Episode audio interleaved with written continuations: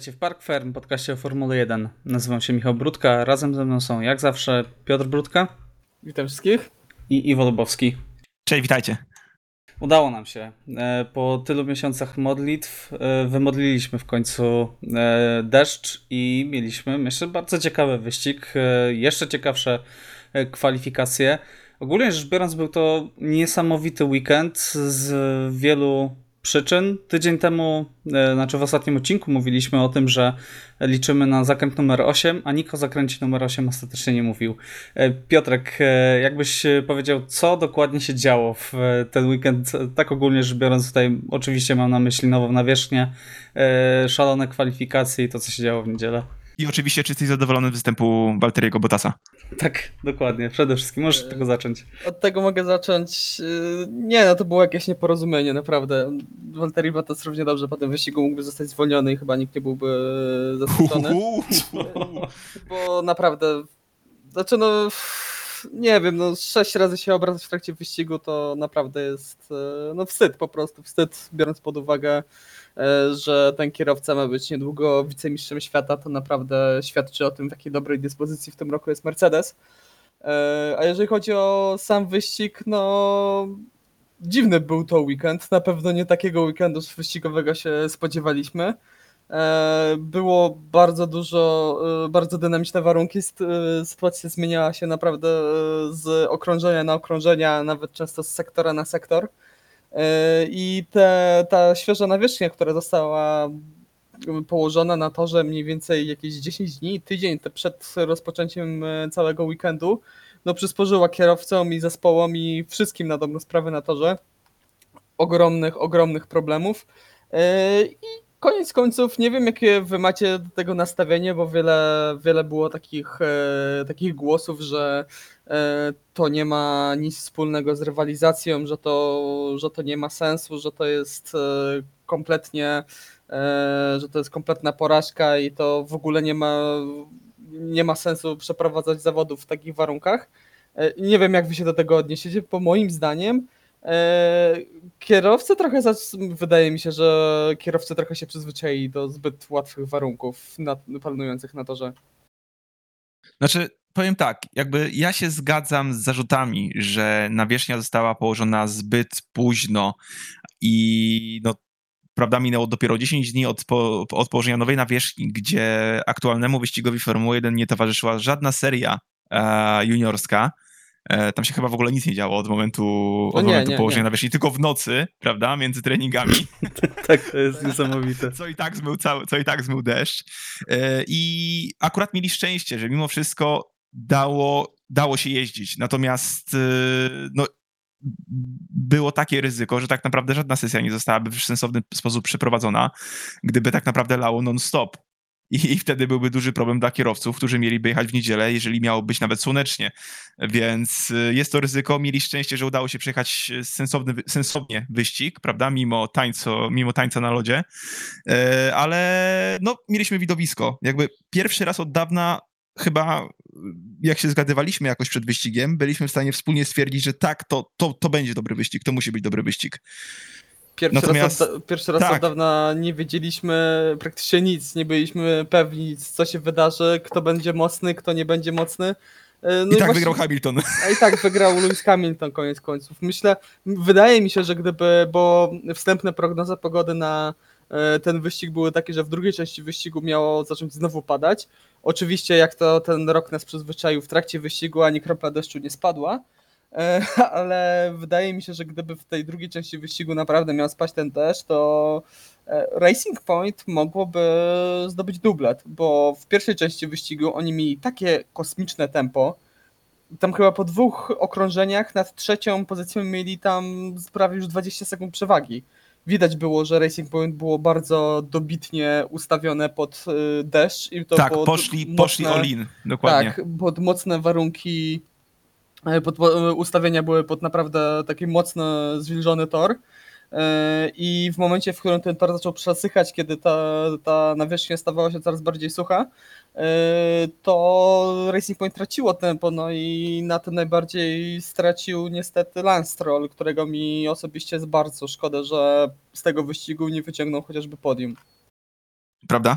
Bo Okej, to, to jeszcze tylko właśnie warto wspomnieć, bo wszyscy chyba też to zauważyliśmy, że podczas kwalifikacji, a raczej już po zakończeniu kwalifikacji, chyba pierwszy raz usłyszeliśmy prawdziwe emocje z, od Lansa Strolla. Takie prosto z serca. Tak, y, to zdecydowanie można powiedzieć, że usłyszeliśmy no, rozemocjonowanego y, Lansa Strolla. Natomiast y, chciałbym jeszcze tutaj uporządkować kilka rzeczy, bo mm, wiem, że są słuchający wśród nas, którzy nie śledzą wszystkich wiadomości na temat Formuły 1 y, i uporządkujmy to. 10 dni przed rozpoczęciem wyścigu mniej więcej y, jest nowa nawierzchnia, co powoduje, że y, przyczepność jest tragicznie niska. Nie towarzyszy y, Formule 1 żadna seria dodatkowa, przez co y, no, kierowcy mówili, że jeździ się jak po lodzie. Y, Roman Grożan powiedział, że dobrym rozwiązaniem byłoby, gdyby wszyscy kierowcy wynajęli sobie samochody i jeździli przez y, cały wieczór. Y, No i wzięli sobie bardzo to do serca organizatorzy, wynajęli ludzi, którzy po prostu zwykłymi samochodami drogowymi jeździli przez e, sporą część wieczoru e, i nocy po torze, e, żeby go nagumować. Po czym e, później, kiedy już przestali jeździć, e, spadł deszcz, który tę całą e, najeżdżoną, że tak powiem, już e, gumę zmył. E, I mieliśmy deszczową sobotę i głównie deszczową niedzielę, przez co na tej nowej nawierzchni, na której i tak już nie było przyczepności, tej przyczepności było jeszcze mniej. Tak, żeby to trochę pokazać na liczbach, jak wielki wpływ na, na osiągi samochodów miała ta właśnie nawierzchnia świeża. Y, Może pokazać to, że no, oczywiście wiemy, że aktualne bolidy w tym roku są najszybszymi w historii i gdziekolwiek się nie pojawią, to piją rekordy, y, jeżeli chodzi o czas okrążenia. A aktualny rekord okrążenia na torze w Turcji Ej, Należy do Juana Pablo Montoya z 2005 roku i wynosi minuta 24,7, a najszybszy czas, jaki udało się kierowcom e, wykręcić w trakcie tego weekendu, należy do Maxa Verstappena i to była minuta 28,3. Także to pokazuje, że naprawdę ta nawierzchnia się, się no, była bardzo, bardzo śliska i nie dawała kierowcom wyciągnąć wszystkiego z tych samochodów. No tak, ale mieliśmy e, dzięki temu i dzięki temu, że spadł deszcz, e, bardzo ciekawe kwalifikacje, w których e, Lance Stroll zdobył pierwsze pole position, jak już e, wspomnieliście. E, mieliśmy też wyścig, w którym bardzo dużo się działo i e, dużo się zmieniało, ale nie wiem, czy e, zgodzicie się, ten wyścig miał trochę dwie fazy. Taką pierwszą fazę, gdzie warunki się poprawiały i dużo się, dużo było przetasowań, dużo kierowców się obracało, tak, były problemy, były zjazdy, zmiany z opon deszczowych na przejściowe. Natomiast w momencie, w którym pojawił się DRS, no, skończyło się trochę ściganie, skończyło się takie szukanie okazji na wyprzedzenie. E, Tylko no, po prostu jak ktoś dojeżdżał na tą sekundę, to po prostu mijał kierowcę i jechał dalej i to przynajmniej dla mnie trochę e, zabiło emocje i doprowadziło do tego, że po prostu pojedynków praktycznie nie mieliśmy, tylko po prostu sobie przejeżdżali obok i tworzyły się duże różnice, które widzieliśmy później e, na mecie. Nie wiem, czy się zgodzicie z tym. Mm, Ja się zgadzam w pełni. E, Natomiast e, no, dużym plusem tego całego wyścigu było to, że nawet ta druga połowa, która była mniej ciekawa, po prostu szła na fali tej pierwszej części. e, Nawet samych kwalifikacji, prawda? Bo no, start z szóstego i dziewiątego miejsca obu Mercedesów, widok Fetela wyprzedzającego Hamiltona na torze, który następnie nie jest w stanie swojej pozycji od Fetela odebrać, to było po prostu coś nieziemskiego. Ale fakt DRS, no, wywrócił, można powiedzieć, ten wyścig na takie już klasyczne tory, jakie znamy, na, na, na klasyczne takie tory, jakie znamy z, już od kilku ładnych lat. E, Nie zmienia to faktu, że jest to chyba taki najciekawszy weekend wyścigowy tego sezonu. Dla mnie przynajmniej. Sięgam pamięcią. Ciekawszym. Wydaje mi się, że Monza dała. Dawała dobrze, tak, więcej, tak. Świetne, świetne podium, które Ale- naprawdę zrobiło, zrobiło dzień. Myślę, że top 3, jeżeli chodzi o wyścigi w tym sezonie, myślę, Mhm. to, to, to spokojnie można, można dać. No, jeżeli chodzi o DRS, to chyba nie, nie muszę tutaj się powtarzać, bo ja... Masz stałe stanowisko. Tak, ma stałe stanowisko i mów, tak, jak, tak jak to powiedziałem e, e, ostatnio w trakcie naszego ostatniego podcastu, ja wolę jak, jak mamy pięć wyprzedzeń na wyścig i jest ta walka i kierowcy muszą szukać okazji i przygotowywać ten manewr wyprzedzania, jak na przykład e, e, swój manewr wyprzedzania próbował przygotować Max Verstappen na Sergio Perezie, e, niż e, sytuację, w której właśnie mamy system DRS i nie ma historii i w ogóle nic z tego nie zapamiętujemy. Dalej mnie nie przekonasz mnie do Imoli z tego sezonu. Okej, to y, szybkie pytanie. Y, ponieważ znamy już kalendarz na 2021, o którym też porozmawiamy, bo jest bardzo ciekawy. Y, I mamy tam jedno wolne miejsce, i plotki chodzą, że na to miejsce wskoczy ktoś y, z tego trio, y, które zobaczyliśmy w tym roku, czyli Turcja, Imola albo Portimao. Jaki wyścig byście wybrali z tej trójki na przyszły rok? Turcję. Ja Na pewno nie Imole. Ja się właśnie zastanawiam pomiędzy Portimao a, y, a Imolą. E, No nagumują do tej wiosny, No Piotr. Kędzor. ja bym wybrał Portimao mimo wszystko. Okej, no ja, ja chciałbym zobaczyć e, na normalnej rywalizacji te bolidy mm, na Turcji. A na Jednak. sezon 2022 chciałbym Imola. To bym też zobaczył. Auta mają być mniejsze, więc jest szansa. No i mają przede wszystkim móc jeździć jedno za drugim bardzo No, blisko. no, no. Znaczy, Dzięki, Pierwsze- Iwo. pierwsze, pierwsze takie... Teraz też miały jeździć. W zeszłym Tak. roku też miały jeździć bliżej No siebie. właśnie, to, to, to problem Formuły 1, jeżeli chodzi o podążanie bolidu jednego za drugim, to pierwsze takie głosy to ja pamiętam z lat 2006-2007, gdzie też były wtedy głosy, że tamta aerodynamika jest zdecydowanie zbyt zaawansowana i, i to jest przesada i przez brudne powietrze kierowcy nie mogą jechać jeden za drugim. A ja nadal wierzę, że będzie dało się jechać blisko. I proszę mi nadzieję. tego nie zabierać przez najbliższy rok jeszcze. Znaczy, znaczy no, na pewno jest przedefiniowanie zupełnie koncepcji aerodynamiki więcej, bardzo dużo docisku ma iść od podłogi, a nie od y, całego nadwozia, y, które ma bardzo duży wpływ właśnie to brudne powietrze, także miejmy nadzieję, że, że, że masz rację. Bardzo bym tego chciał. Okej, dobrze, bo y, o zmianach na 2022 będziemy rozmawiać przez cały przyszły rok, mam wrażenie. Natomiast porozmawiajmy o tym, co działo się tu i teraz, y, o tym y, nowym, starym mistrzu świata, y, Lewisie Hamiltonie, y, który, no trzeba to przyznać, pojechał genialny wyścig, absolutnie pokazał no, mistrzowską formę. Mimo tego, że popełniał błędy, mimo tego, że przedzierał się z szóstego miejsca, co- dla niego jest kompletnie e, no, niezwykłym miejscem w kwalifikacjach, trzeba to, trzeba to też przyznać. E, A zdobył dzięki temu Mistrzostwo Świata numer 7 i wyrównał e, osiągnięcie Michaela Schumachera. Jak, jak to skomentujecie, Piotrek? No, Lewis Hamilton jest nie najlepszym kierowcą teraz w stawce i myślę, że co odnośnie tego nie ma żadnej, żadnej, nie ma żadnej wątpliwości. Można go lubić e, poza torem, można albo go nie lubić, można go lubić albo nie lubić, jeżeli chodzi o jego wypowiedzi w trakcie wyścigu przez komunikaty radiowe. E, ale jedno trzeba przyznać i tutaj wszyscy muszą się zgodzić, że jest po prostu genialnym kierowcą i te liczby oczywiście jest w Mercedesie, oczywiście jest e, w sam w zespole, który dominuje od, e, od już 6-7 lat na dobrą sprawę. Jest w tym roku w szczególności ma samochód, który, do którego nikt nie ma podejścia na dobrą sprawę, ale właśnie ten wyścig pokazuje i generalnie te ostatnie wyścigi pokazują, e, jak fenomenalnie Lewis Hamilton radzi sobie z zarządzaniem tymi oponami Pirelli. Naprawdę, to co on robi, to to jest coś nieprawdopodobnego.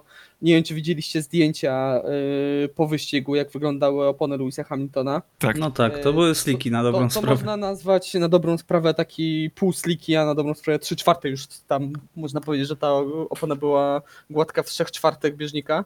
E, No nie, nieprawdopodobne osiągnięcie i jeżeli chodzi o ten akurat wyścig, e, to nie można tego usprawiedliwiać, wydaje mi się, bolidem, bo wszyscy wiemy, jak sobie radził drugi Mercedes w tym wyścigu. E, znaczy, dla mnie osobiście to był top 10 albo nawet top 5 występów Louisa Hamiltona w Formule 1. Moim zdaniem top 3 nawet. Ma... Lewis Hamilton paradoksalnie rzecz biorąc nie ma dużo takich wyścigów, które, o których pamiętasz, o których yy, mówisz. Bo wszystkie wygrywa. Znaczy no właśnie o to chodzi, że bardzo, o, jeżeli chodzi o ten e, element w Mercedesie, o ten fragment w Mercedesie, jego kariery, to bardzo dużo tych wyścigów jest takich, że on startuje gdzieś tam z przodu, ma mega bolid i po prostu ten wyścig wygrywa. Wiem, po prostu wygrać wyścig w Formule 1 to brzmi dosyć lekceważąco, ale no tak to zazwyczaj wygląda, ale tutaj naprawdę czapki z głów. Fenomenalny wyścig. Iwo, zgadzasz się tutaj z opinią Tak, naszą? no właśnie zanim do tego tematu przeszliśmy, to też próbowałem sobie przypomnieć, czy widziałem lepszy wyścig w jego wykonaniu, e, w wykonaniu Luisa E, i no, ten wyścig utwierdza tak naprawdę to, że no to mistrzostwo po prostu mu się należy i ten tytuł mu się należy jak nikomu innemu i, i można lubić, można nie lubić tak naprawdę, ale no myślę, że wszyscy ogromnie szanujemy to, jak jeździ.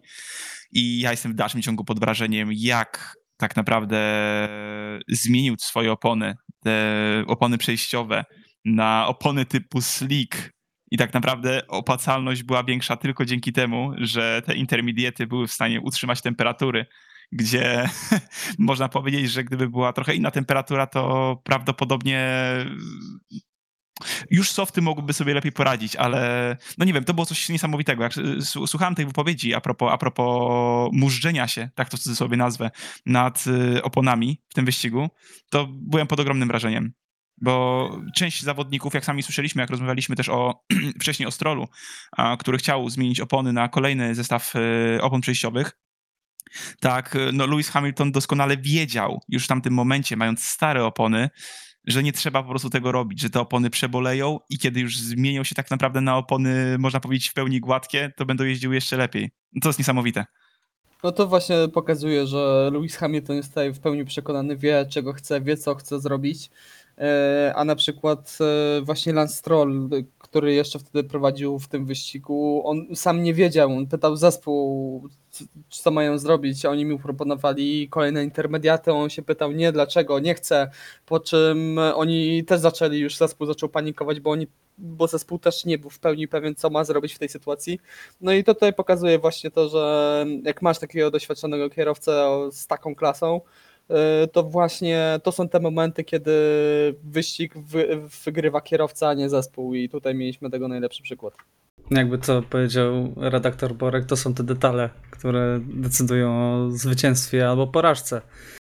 E, Natomiast e, taka jeszcze mała ciekawostka na temat e, wczorajszego wyścigu. Nie było safety caru i to jest pierwszy raz od 96 roku i Grand Prix Hiszpanii, kiedy mieliśmy deszczowy wyścig i nie było na torze samochodu bezpieczeństwa.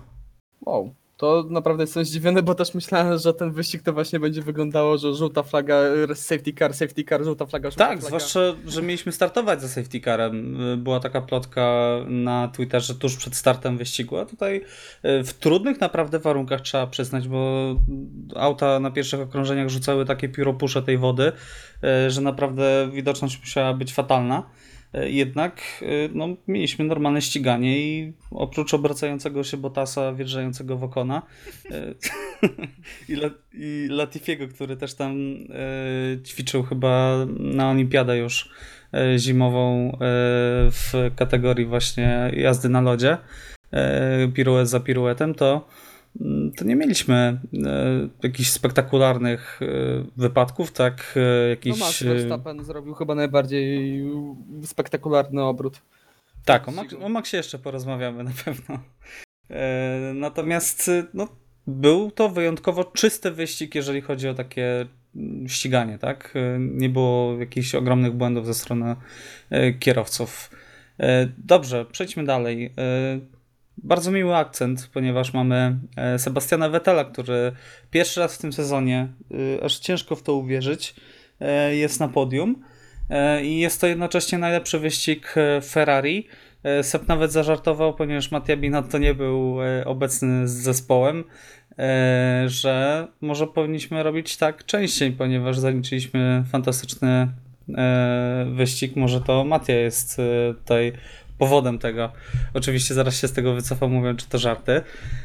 ale y, plotki mówią, że Binotto jeszcze nie będzie w Bahrajnie, także już Ferrari zacierają ręce. Y, jak, y, jak to skomentujecie, to y, mieliśmy też Leclerca, który przecież stracił na ostatnich y, metrach drugie miejsce na dobrą sprawę.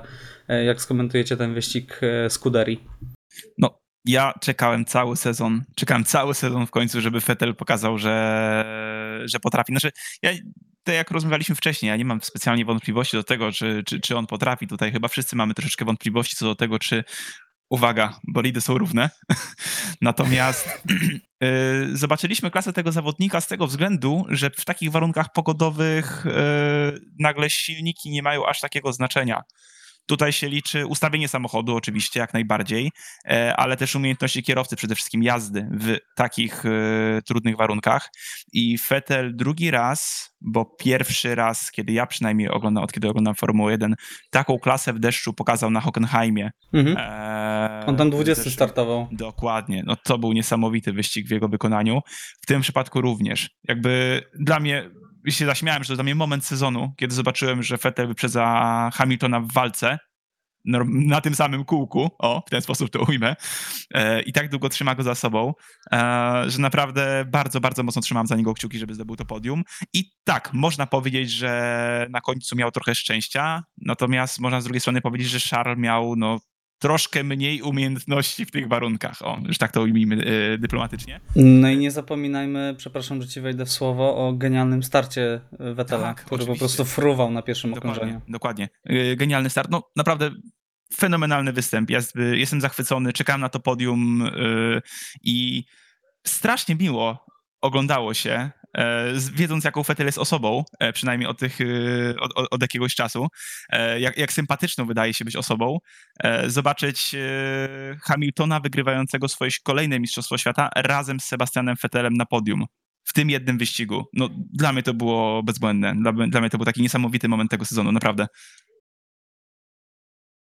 No, na pewno Sebastian Vettel jest bardzo szczęśliwy i należało mu się to, nie ma co ukrywać, że po, tym, po tym jak go traktuje Ferrari w tym, w tym roku, to też nie dziwi ta wypowiedź w stronę Mattii Binotto, e, który myślę, że to w ogóle nie był, tak na dobrą sprawę to nie był e, taki żart, tak samo jak wczoraj e, pauza Roberta Lewandowskiego nie była, nie była pauzą na zastanowienie. E, ale co do wyścigu, mi szkoda było Charlesa Leclerca mimo wszystko, bo również przejechał świetny wyścig i oczywiście bardzo sympatyzuję z, z Monakijczykiem, ale takim rozwiązaniem na pewno nie, nie, nie jest mi przykro, nie jest mi smutno, należało się to Sebowi, przejechał fantastyczny wyścig, nie popełnił żadnego błędu, to też jest, mało mieliśmy kierowców w stawce w, w trakcie tego Grand Prix, którzy nie popełnili absolutnie żadnego błędu.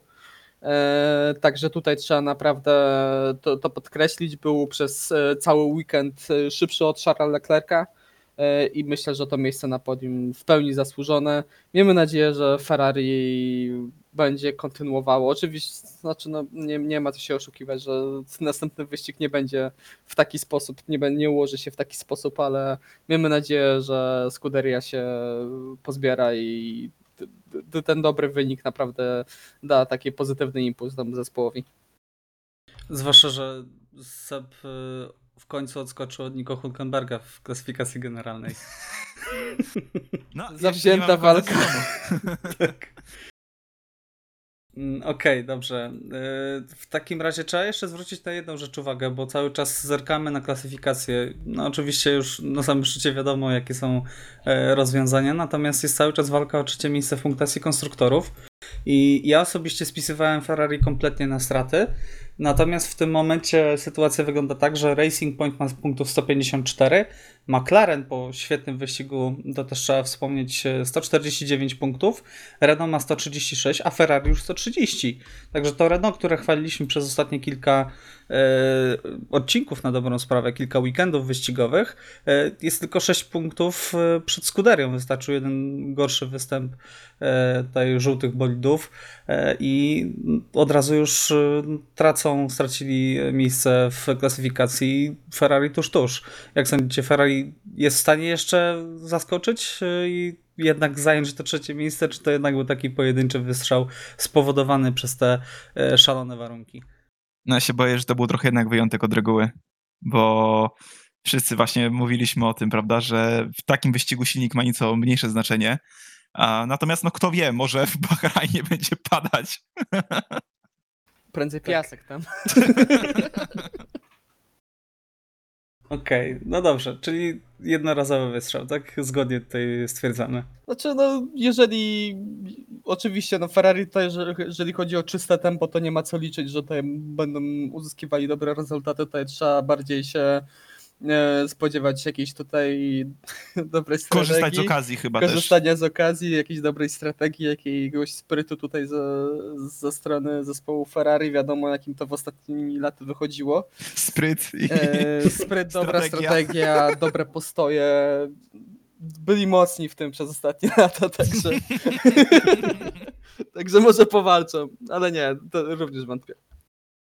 Okej, e, to przejdźmy dalej. Kolejny punkt programu naszego dzisiejszego to e, rozmowa w Verstappenie, bo wydawało się przez do, na dobrą sprawę Q3, że Max jest po prostu nietykalny na tym torze.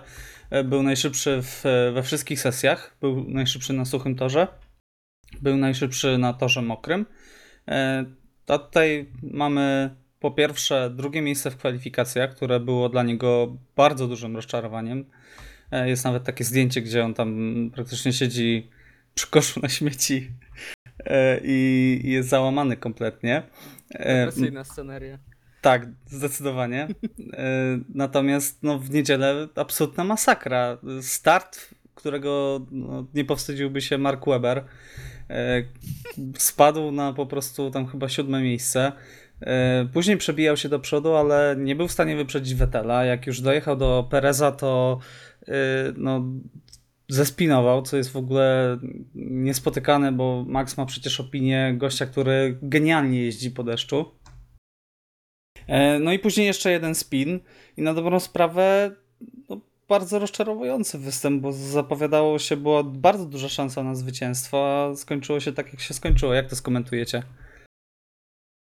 No na pewno. A, zagotował się moim zdaniem trochę, bo tak teraz po prostu przypomniałam sobie tę sytuację z Perezem, która chyba wyprowadziła go z, z, zupełnie z równowagi, jeżeli chodzi o ten wyścig.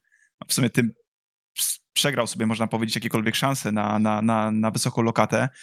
I jasne, no, ja nie siedziałem w tym aucie, nigdy nie siedziałem w samochodzie Formuły 1, szczególnie w wyścigu, natomiast wydawało mi się to z perspektywy widza strasznie absurdalnie, trzymanie się w takich warunkach pogodowych tak blisko skrzyni e, biegów e, drugiego kierowcy, że to się nie mogło inaczej skończyć. To się po prostu nie mogło inaczej skończyć i no ciężko mi jest sobie wyobrazić, e, co Max sobie wyobrażał, w ten sposób to ujmę. Znaczy, to, to po, po raz kolejny mamy taką sytuację, gdzie no, wiemy wszyscy, jak Max jest szybki. Pokazywał to w trakcie weekendu, ale kiedy pojawia się ta okazja, on ma kilka takich momentów w każdym sezonie praktycznie, w którym był, że kiedy jest, pojawia się okazja na naprawdę pewne zwycięstwo, to z tej okazji nie potrafi skorzystać. Piotrek, nie wiem, czy masz podobne spostrzeżenia? No to jest potwierdzenie teorii między innymi mojej, że Max Verstappen tak naprawdę nie wyciąga wniosków ze swoich błędów. E, I to już nie jest pierwszy raz, kiedy tak jak mówisz, e, zaprzepaścił szansę na wygranie wyścigu, no bo nie oszukujmy się, ja tutaj też nie jestem kierowcą Formuły 1, oczywiście, nie siedzę w kokpicie, ale e, na dobrą sprawę wystarczyło lekko odpuścić gaz przed tym łukiem, bo wiadomo, że tam nie było miejsca. Tam nawet w suchych warunkach, tak daleko jak był Max Verstappen, no to tam nie było miejsca, żeby się wpychać. E, w szczególności w tych warunkach, które wiadomo jakie były. E, Także naprawdę bardzo duży błąd tutaj, e, ale również e, chciałbym wrócić do kwalifikacji, bo to jest kolejny raz. Pamiętamy, jaka była historia e, z Maxem Verstappenem i zdobyciem pierwszym pole position w karierze Mhm. gdzie również bardzo długo e, nie mógł zdobyć tego pole position i mieliśmy wiele takich e, weekendów wyścigowych, w których Max Verstappen wydawał się najszybszy przez cały weekend, dominował w sesjach treningowych, e, dominował w Q1, w Q2 przechodziło Q3 i nagle przykrywał. No, najlepszym przykładem jest na przykład 2017 rok i, i Grand Prix Monaco, gdzie tam na dobrą sprawę e, zaczął dziko cisnąć pod koniec trzeciego treningu i się roztrzaskał o bandę. i w ogóle nie mógł wyjechać na, na, na kwalifikacje, albo jeżeli dobrze pamiętam, to były kwalifikacje w, e, w Meksyku, gdzie również dominował i też na dobrą sprawę w Q3 na ostatnim kółku Daniel Ricciardo wyrwał, e, wyrwał to pole position wtedy, także e, widać kolejny raz, że Max Verstappen po prostu nie wyciąga błędów, e, nie wyciąga wniosków ze swoich błędów.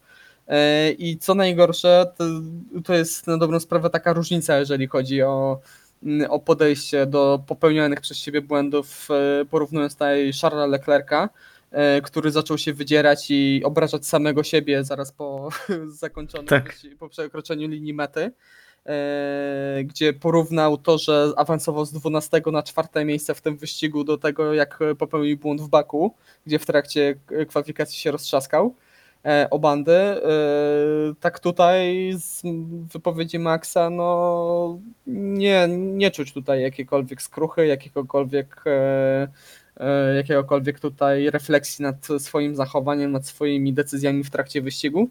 E, I tak jak już kiedyś powiedziałem, w momencie, w którym jeżeli Max Verstappen nie zmieni swojego nastawienia, a na razie nic ni- nie, nie, nie tutaj pozwala nam sądzić, żeby tak było, e, to jeżeli dojdzie do tego, że będzie blisko Max Verstappen zdobycia tytułu mistrza świata e, i będzie tam naprawdę ciasna walka o ten tytuł, to po prostu takie błędy, właśnie takimi błędami przegrywa się tytuł mistrzowski. I nieraz to widzieliśmy właśnie w, w, w Formule 1. Czy trzeba też zwrócić uwagę, że Max jakoś mimo swojego genialnego tempa, ja cały czas chcę to podkreślić, to, że teraz trochę krytykujemy Maxa, to nie znaczy, że nie sądzimy, że jest jakimś nagle kiepskim kierowcą, tak? Natomiast no, ma trzy pole position tylko w swojej karierze, jak na gościa, który jednak no, jest uważany za mega szybkiego. Ja wiem, że Mercedes ma absolutną dominację w sobotę, zwłaszcza w tym roku, natomiast tak jak mówisz, były sytuacje, w których e, no, miał szansę na to pole position, nie, nie był w stanie tego wykorzystać. Nie wiem, czy Iwo e, chciałbyś jakoś się do tego odnieść. No tak, ja przede wszystkim mi też na myśl przychodzi od razu Meksyk 2018, ponieważ to była. To był, to, to, to, to był dobry przykład, który podał Piotrek, ponieważ to był chyba ostatni moment, e, w którym mógł uzyskać jeszcze tytuł najmłodszego kierowcy zdobywającego pole position w Mhm. historii, Tak. prawda? I e, jednak załamanie, które miał w tamtym momencie, to, i to jak pamiętam pocieszał go, czy ochrzaniał, już nawet nie pamiętam, jego ojciec. To, różnie tam może być w tej rundzie. tak, to, jest, to jest jedna z takich scen, które faktycznie pamiętam, a mało pamiętam tak naprawdę wyścigów z tamtego okresu, e, bo nie były też jakoś nadmiernie ekscytujące.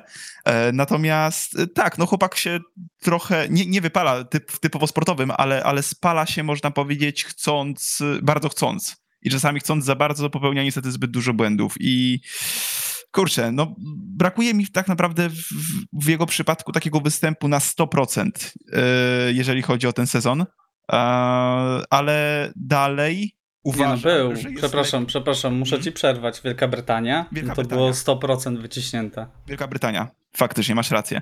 E, natomiast tutaj no dalej muszę stwierdzić, jeżeli chodzi o jego nastawienie, że i tak jest, uważam, dużo lepiej niż to, e, co widziałem, kiedy zaczynałem oglądać jeszcze Formułę w 2018 roku.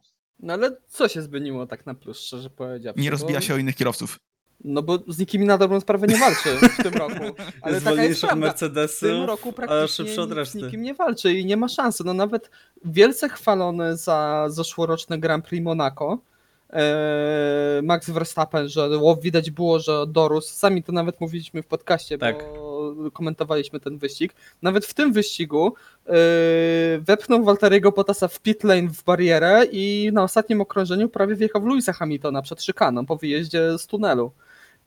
Naprawdę, ja szczerze powiedziawszy, nie widzę No aż takiej ciasny wielkiej... tor. w- Przez... No, ja naprawdę nie widzę jakiejś tej wielkiej zmiany w, u Maxa Verstappena, jeżeli chodzi o e, właśnie tutaj podejście do ścigania i podejście e, o wyciąganie wniosków. Oczywiście nie jest powiedziane, że, że Max Verstappen nigdy nie zdobędzie tytułu mistrza świata i szczerze powiedziawszy, jeżeli chodzi o czyste widowisko, e, to tylko możemy się cieszyć, że Max Verstappen nie zmienia swojego podejścia, bo to jest bardzo e, efektowny styl jazdy. To naprawdę cieszy oko, cieszą oko takie manewry często, kiedy one są udane, a też e, dodają dodatkowych emocji, kiedy się nie udadzą, ale y, no ciężko będzie z takim podejściem o jakieś naprawdę seryjne sukcesy. Może się zmieni. Lewis Hamilton też na początku swojej kariery miał sporo takich dość prostych, głupich błędów też w tej walce koło w koło z innymi kierowcami. Bardzo często nie zostawiał im nawet milimetra e, z miejsca na torze. E, A jak teraz jeździ, to jest na dobrą sprawę dwóch innych kierowców, można powiedzieć. Ale spokojnie, to jest jeszcze młody kierowca, jeździ dopiero szósty sezon. No ale ile ma lat? No, ma dopiero 23 lata, właśnie o to chodzi. No No już wiem, ma takie wiem. doświadczenie. No to też jest inna sprawa, że już ma takie doświadczenia, a nadal na dobrą sprawę można powiedzieć, że popełnia błędy, e, których można się spodziewać, nie wiem, po George'u Russellu albo Lando Norrisie. No już nie przesadzaj. W drugą stronę. No dla mnie to jest, w tym momencie trochę przegiąłeś. Yy, No może troszkę mnie, to może mnie trochę prze, e, poniosło, ale te, ten błąd z Perezem, no po tylu latach w Formule 1 i po naprawdę to nie jest, to nie jest pierwszy występ Maxa Verstappena na, na mokrej nawierzchni, także no, no nie wiem, trochę, trochę nie potrafię zrozumieć tej decyzji wtedy. Okej, dobrze, to może, może ten temat zostawmy nierozstrzygnięty. Mm, Zobaczymy, jak to się e, dalej rozwiąże, jeżeli chodzi o zachowanie Maxa Verstappena i jego mm, umiejętności wyciągania wniosków. E, Natomiast przejdźmy dalej, e, bo na dobrą sprawę mieliśmy dużego bohatera tego weekendu, o którym tylko trochę wspomnieliśmy. Lance Stroll, który zdobył pierwsze pole position w karierze. Jeżeli ktoś by nam powiedział przed tym weekendem, że Lance będzie zdobywcą pole position i po pierwszych y, pięciu okrążeniach w wyścigu będzie miał przewagę 20 sekund nad Hamiltonem, no to nie wiem, co byśmy powiedzieli na dałbym dobrą sprawę, bo. Wysłali do specjalisty raczej. Dokładnie. E, Natomiast e, ostatecznie skończyło się no, bardzo kiepsko, tak? E, Sergio Perez dojechał na podium, natomiast e, Lance e, kompletnie stracił tempo na tym drugim secie e, opon i dojechał na dziewiątym miejscu, tracąc e, minutę 12 sekund do lidera. e, Będąc jeszcze wyprzedzonym przez e, Lando Norrisa, który przecież tam startował z końca stawki, także E, Czy waszym zdaniem mimo wszystko Lance może być zadowolony z e, tego weekendu, czy, czy, czy to jest wygrany tego weekendu, czy, czy jednak wielki przegrany przez to, co się stało mm, ostatecznie e, w niedzielę? Awa, jak sądzisz? E, To będzie bardzo dyplomatyczne, bo powiem, na pewno nie jest wielkim wygranym, ale na pewno nie jest wielkim przegranym. Przede wszystkim, no tak, teraz już został jednym z najmłodszych polsiterów, co już jest, uważam, bardzo fajnym osiągnięciem, szczególnie, że osiągnął to w ciężkich warunkach. Jasne, to z jednej strony mogło mu też ułatwić, ale zrobił to, prawda? Poradził sobie na, na tak mokrej nawierzchni. Z drugiej strony, no tutaj połowicznie, jeżeli chodzi o wynik samego wyścigu, można osądzić e, jego i częściowo też zespół, ponieważ sam Lance bardzo chciał zjechać na opony typu slick przez pewien czas. I tutaj jest to, można powiedzieć, zupełnie odwrotna sytuacja do tego, co przemyślał Lewis Hamilton, który postanowił z interów zrobić sobie opony sliki. Gdyby został na, na tych samych oponach, gdyby, gdyby poczekał do końca, aż te opony faktycznie mu się zniszczą, można by, można by powiedzieć, to prawdopodobnie uzyskałby o wiele lepszy rezultat. Gdyby faktycznie nie, nie zrobił tego drugiego pit stopu. Natomiast e, ogólnie, gdyby przełknąć tę ciężką i gorzką pigułę e, spadnięcia o tyle pozycji, e, można by powiedzieć, że mimo wszystko mógł być z siebie zadowolony, jeżeli chodzi o taką dyspozycję ogólną, bo no, zachował zimną krew, prowadził bardzo, bardzo, dużo, bardzo długo i naprawdę stworzył sobie bardzo dużą przewagę sekundową e, podczas swojego pierwszego pole position, e, no wydaje mi się, że ma powody do dumy. Tylko, że tak, na pewno chyba jedną czy dwie noce musiał się przespać, jeżeli chodzi o ten wynik. Okej, Piotrek, e, jakie jest twoje zdanie? No na pewno szkoda Lansa Strolla, m, biorąc pod uwagę, że skończył ten wyścig naprawdę daleko, dopiero na dziewiątej pozycji. E, Ale myślę, że mimo wszystko Lance może wyjść e, z tego weekendu z podniesioną głową, bo wydaje mi się, że wielu fanów e, Formuły 1 w tym momencie w końcu przejrzy na oczy i uzna, że Lance nie jest po prostu synem bardzo bogatego człowieka i wpływowego, jakim jest Lawrence Stroll, tylko naprawdę również jest e, utale- utalentowanym kierowcą. Oczywiście to nie jest e, taki poziom jak już tutaj się odkupię za moje słowa jak Max Verstappen, ale, e, ale to też nie jest e, kierowca, nie wiem, pokroju Narayan Kartikeyana, także tutaj e, naprawdę... Myślałem, że powiesz Esteban Ocon. Nie, nie, nie. To też nie. E, także szk- szkoda. Tutaj też, e, tak jak już to, to, to co już powiedziałem wcześniej, e, wyszło, wyszedł brak doświadczenia i brak takiego mm, dogłębnego zrozumienia opon Pirelli w tym momencie, co miał zarówno Lewis Hamilton, jak i Checo Perez w, w tym wyścigu.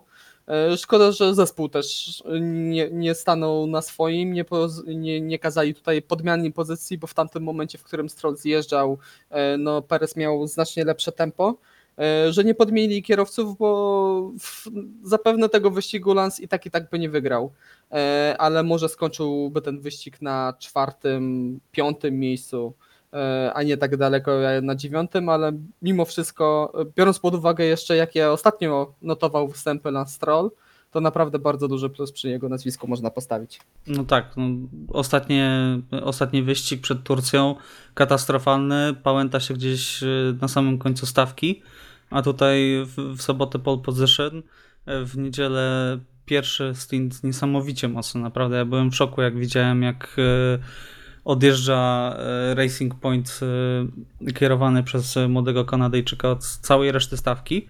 W tym swojego zespołowego kolegi, tak? Który przecież jest Pereza, tak. Pereza to chyba na pierwszym kółku na 5 sekund odstawił. To, to, Tak. to było coś niesamowitego. Naprawdę fantastyczne miał pierwsze kółko Lance. No szkoda, że jak zaczęło przesychać, to tempo mocno spadło zarówno u niego, jak i u Sergio Pereza. Dobrze, to myślę, że myślę, że Lansa y, możemy zostawić. Na pewno przekonał do siebie wiele osób w ten weekend y, i wielu fanów zyskał. Y, natomiast mam tutaj zapisane y, udany wyścig y, Renault, ale chciałem oczywiście napisać udany wyścig McLarena. Renault udanego wyścigu nie miało. E, Natomiast McLaren w końcu po kilku takich naprawdę bladych występach zaliczył bardzo udaną niedzielę, e, gdzie też sobota była katastrofalna, bo przecież nie weszli do Q3 e, i wyciągnęli naprawdę dużo punktów. Tam wydawało mi się, że y, Carlos Sainz to dwa okrążenia, o tym nie mówiliśmy, ale tam dwa, trzy okrążenia i mógł też skończyć na podium, bo tempo miał fantastyczne i gonił e, w końcówce praktycznie e, całą czołówkę, tak? E, Poza oczywiście Hamiltonem. Który był w swojej lidze. W tym momencie do Leclerca i Pereza, prawda? Także faktycznie, Tak. e, biorąc pod uwagę, jak zaczynał e, na tych oponach, to była to szansa. bardzo, bardzo udany, tak? E, Wyścig e, zgarnął e, 10 punktów. Lando Norris też na 8 miejscu. E, Także też e, myślę, że warto pochwalić w tym e, momencie McLarena, bo kierowcy McLarena e, są chyba najbardziej równie jadącym duetem e, w tym roku, tak? E, Bolid jest lepszy, bolid jest gorszy z weekendu na weekend, natomiast e, no, nie mają jakichś e, spektakularnych wpadek, nie popełniają dużo błędów i jadą bardzo solidnie. Nie wiem, czy się z tym zgodzicie. Ja się zgadzam w pełni. e, tak, tylko y, tutaj w końcu nastąpiło pewnego rodzaju odrodzenie, bo kilka ostatnich e, naszych odcinków e, zawsze było gdzieś wspomniane o tym, że e, McLaren podupadł, że McLaren podupadł i to chyba przez trzy, trzy ostatnie wyścigi o tym faktycznie rozmawialiśmy. E, Natomiast no w końcu kierowcy, szkoda, że nie startują z wyższych pozycji, prawda, no bo tutaj nie mieli możliwości. E, Natomiast e, widać, jak bardzo potrafili sobie poradzić e, startując tak nisko, jadąc po tak, w, tak trudnych warunkach. I chciałem powiedzieć, nie rozbijając się o nikogo, ale przypomniała mi się jedna sytuacja z Lando Norrisem i George'em Russellem, która była podczas oglądania strasznie zabawna. No to przypomnij, co było. sytuacja, sytuacja wzięta z go-kartów. Nie pamiętam teraz, który, mom- y, jaki to był zakręt. Mhm. E, natomiast chyba. George Russell, George Russell starał się, tak? To, to był ostatni? Mógł być Mhm. ostatni? Tak, tak, to było wyjście na prostą startową. No właśnie, czyli, czyli wo, wo- wolna taka część, wo, wolne zakręty e, i George Russell chciał wziąć ten zakręt szeroko, zostawiał wręcz miejsce, można powiedzieć, Norrisowi, natomiast Norris jak gdyby nigdy nic stwierdził, że chyba dohamuje nieco później, bądź tak, jakby to była sucha nawierzchnia i trochę odbił od siebie Russella, wywiózł go na pobocze, a sam pojechał po swoje. Znaczy, to, to był taki, to, to był taki ślisk trochę w, Tak, w George. No George się obruszył, ale nie przeżywał tego jakoś specjalnie długo, no jechał wyścig dalej. Także No, to też, to też, to też szacunek, bo widziałem Tak. lepsze, słyszałem lepsze team radio z tego wyścigu. Na przykład y, Roman Grożan, tak? Oj tak. Te, też de facto z Williamsem. E, Co prawda z Nicolasem Latifim, ale e, jeżeli tego nie widzieliście, to polecam wejść na oficjalny kanał Formuły 1 e, i zobaczyć na najlepsze e, Team Radios e, z tego, e, z tego weekendu i Roman Grożan rzuca nam taką wiązankę, e, że miałem wrażenie, że tu na łącza się na chwilę włączył Zbigniew Stonoga. Co prawda wszystko było wypikane, ale no, ostro poleciał, że tak powiem, e, Roman Grożan. Ja nie E, pamiętam tak. takiej wiązanki. No, Nawet mignęła mi, mignęła mi y, wiadomość sprzed tygodnia, że Roman Grożan nie chciałby, żeby y, komunikaty kierowców były transmitowane w telewizji. Może, może dlatego. No tego akurat chyba nie słyszeliśmy, ja sobie nie przypominam, żebyśmy to akurat słyszeli. E, Ale tak jeszcze wracając do, do McLarena, e, to naprawdę bardzo, kolejny bardzo dobry rezultat z ich strony, mimo tak, że tak jak mówimy, że ostatnio bolid nie spisuje się najlepiej. E, No wiadomo, mokra nawierzchnia to samochody mają coraz mniejsze znaczenie E, i to jest kolejny wyścig pod e, taki sztandarowy, jeżeli chodzi o właśnie Carlosa Sainza, e, który jedzie bardzo równo, jedzie naprawdę dobrym tempem. E, Znowu bez jakichś tam wielkich fajerwerków, ale tak jak mówisz, tam jeszcze dwa, trzy okrążenia i to koniec końców mogłoby się skończyć tak, e, że to Carlos właśnie stanąłby na trzecim, na trzecim miejscu i stanąłby na ostatnim stopniu podium. E, Także na pewno tutaj McLaren może być bardzo zadowolony po tym weekendzie. Okej, e, myślę, że możemy powoli zamykać dyskusję o Grand Prix Turcji. Było to dobre Grand Prix. E, Czy chcielibyście coś jeszcze dodać, kogoś jeszcze tutaj pochwalić, kogoś e, może zganić e, za ten weekend? Iwo, masz coś do dodania? Znaczy, szczerze mówiąc, za, w tym wyścigu największy szacunek mam, pozostaje mi dla Hamiltona jednak, tak jak no, nie chwaliłem go za poprzednie wyścigi, tak jest to chyba pierwszy wyścig od dawna, gdzie mogę śmiało powiedzieć, że no on zrobił robotę. Nie pojechał tylko z pole position do mety, tylko faktycznie zrobił niesamowitą robotę i byłem naprawdę pod ogromnym wrażeniem. E, No i kolejny mistrz świata, czyli Sebastian Vettel, którego, którego jestem naprawdę dużym fanem i bardzo, bardzo się cieszę, że udowodnił, e, że dalej potrafi i że umiejętności tak naprawdę mu zostały, także nic, tylko czekać, aż będzie jeździł w zielono-różowym o, bolidzie. Wątpię, żeby to były takie, takie połączenie barw. E, Raczej stawiałbym tu na, na samą zieleń. Ale zobaczymy oczywiście w przyszłym roku. Piotrek, e, masz coś jeszcze do dodania tutaj w tej kwestii? Ja chciałbym zganić e, Alfa Romeo za ten wyścig, bo mieli naprawdę fantastyczne kwalifikacje, oba samochody w Q3, e, a skończyło się dla nich fatalnie. Antonio Giovinazzi ze względu na awarię nie ukończył wyścigu, Kimi Raikkonen skończył rywalizację na 15 miejscu. E, Także tutaj naprawdę, naprawdę bardzo duży minus. E, A ja chciałbym Was jeszcze tak zapytać, jeżeli nie wiem jak z czasem stoimy, Michał, czy mogę Proszę bardzo. zarzucić. Jak oceniacie Alexa Albona po tym wyścigu? Bo ja mam takie mieszane uczucia, szczerze powiedziawszy. Bo z jednej strony naprawdę w pewnym momencie e, przez dużą część wyścigu jechał naprawdę świetne zawody i miał fantastyczne tempo. Już tam podjeżdżał na dobrą sprawę do drugiego miejsca do Sergio Pereza. No ale koniec końców nie skończyło się to tak kolorowo, no ale mimo wszystko skończył ten wyścig przed Maxem Verstappenem. Mm, skończył za Maxem. Zamek, tak. Oj, Jezus Maria. Półtorej sekundy za Maxem, ale to i tak jest wyjątkowo niska strata. Tak, Tak, bardzo długo jeździli razem, właśnie na to zwracaliśmy uwagę. Tam zapomnieliśmy o Albonie, bo nie, nie nawywijał, chociaż wywinął, ale nie, nie, nie aż tak, Tak. jak Max. Jeden obrót był. Tak, był. E, Natomiast tak, długo jechali razem, bardzo długo jechali razem, za co plus dla Albona w tym przypadku, ale to jest y, też jeden z tych kierowców kilku z tego wyścigów, których nie, nie, do końca, nie do końca pamiętałem, ale jest jedna ciekawostka teraz, bo tak jak rozmawialiśmy, chyba jest jeden zespół, o którym jest to je- jedyny zespół, o którym w ogóle nie wspomnieliśmy w trakcie tego podcastu i też totalnie nie przypominam sobie nic z ich udziałem z tego wyścigu, to Alfa Tauri. Tak. Y, czytałem wypowiedź Pieragasiego, który powiedział, że ich tempo to wstyd. tak krótko. E, Ale można się było tego spodziewać, bo oni mieli jakieś problemy, szczerze powiedziawszy, nie do końca pamiętam na czym one polegały, ale nie mieli w ogóle okazji y, skorzystać z symulatora przed tym Grand Prix. A jeżeli nie możesz korzystać z symulatora na Grand Prix, na którym wyścig był w 2011 roku, no to masz spory problem. No to jednak. jest karma za Imole, no co... Pojeździli wcześniej tam. Tak. y, ode mnie, ja Piotrek się z tobą absolutnie nie zgodzę. Uważam, że dla mnie plusik po tym y, weekendzie dla Alfa Romeo, ponieważ wprowadzili w bardzo trudnych warunkach dwa bolidy do Q3 y, i w wyścigu mieli sporo pecha, bo jednak Raikkonen jasno powiedział, że w, gdyby był deszcz cały czas, to mieliby dużo lepsze tempo. E, Natomiast y, no, trudno winić Giovinazziego za to, że, za to, że bolid mu się zepsuł. No. Znaczy, ja tutaj, nie, przesady. ja tutaj nie winię kierowców, ja tutaj trochę jestem rozczarowany z zespołem. Po prostu po naprawdę obiecującej sobocie miałem nadzieję, że uda im się zapunktować przynajmniej jednym samochodem.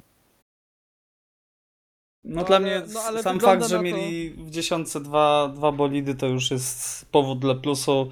Yy, zwłaszcza, że no, sezon mają fatalny, jakby no, nie patrzeć. wygląda na to, że poszli drogą, ścieżką tutaj e, Racing Point i ustawili się w pełni pod, pod deszcz.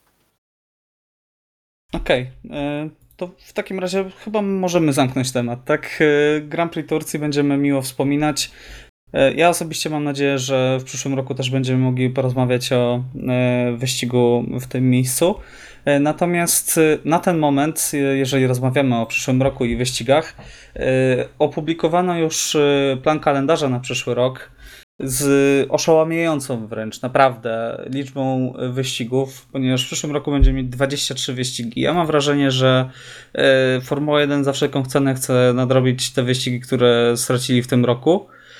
Y, I po prostu to, że udało nam się rozegrać sezon w y, 4,5 miesiąca na dobrą sprawę, y, czy 5 miesięcy, pokazał im, że te potrójne weekendy, e, że, gdzie mamy po prostu trzy tygodnie z rzędu e, wyścig, e, no, że jest to do zrobienia i postanowili wepchnąć jak najwięcej, ile się da po prostu, żeby odrobić też finansowo e, zeszły rok. Także mamy 21 marca zaczynamy, jest Australia, e, no i później tak na dobrą sprawę tradycyjnie, czyli Bahrain, Chiny, e, jest wolny termin, o którym mówiliśmy, później niestety Hiszpania, Mamy e, Monako, e, mamy Azerbejdżan, Kanadę, niestety Francję, Austrię, Wielką Brytanię, Węgry, Belgię, mamy Holandię, której e, nie było w tym roku, e, mamy Włochy, Rosję, e, Singapur, Japonię, także absolutnie tutaj klasyki.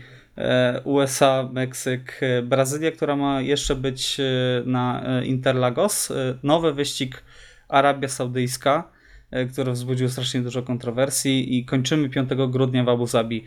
Jak skomentujecie te 23 wyścigi w roku? Czy to nie jest za dużo dla kibiców? Współczuję mechanikom i pracownikom tak, naprawdę. I ich rodzinom. Wydaje mi się, że ten taki sensowny limit, znaczy limit, no, wiadomo, jest takie pojęcie bardzo względne, ale 20-21 to jest takie maksymalne optimum, moim zdaniem.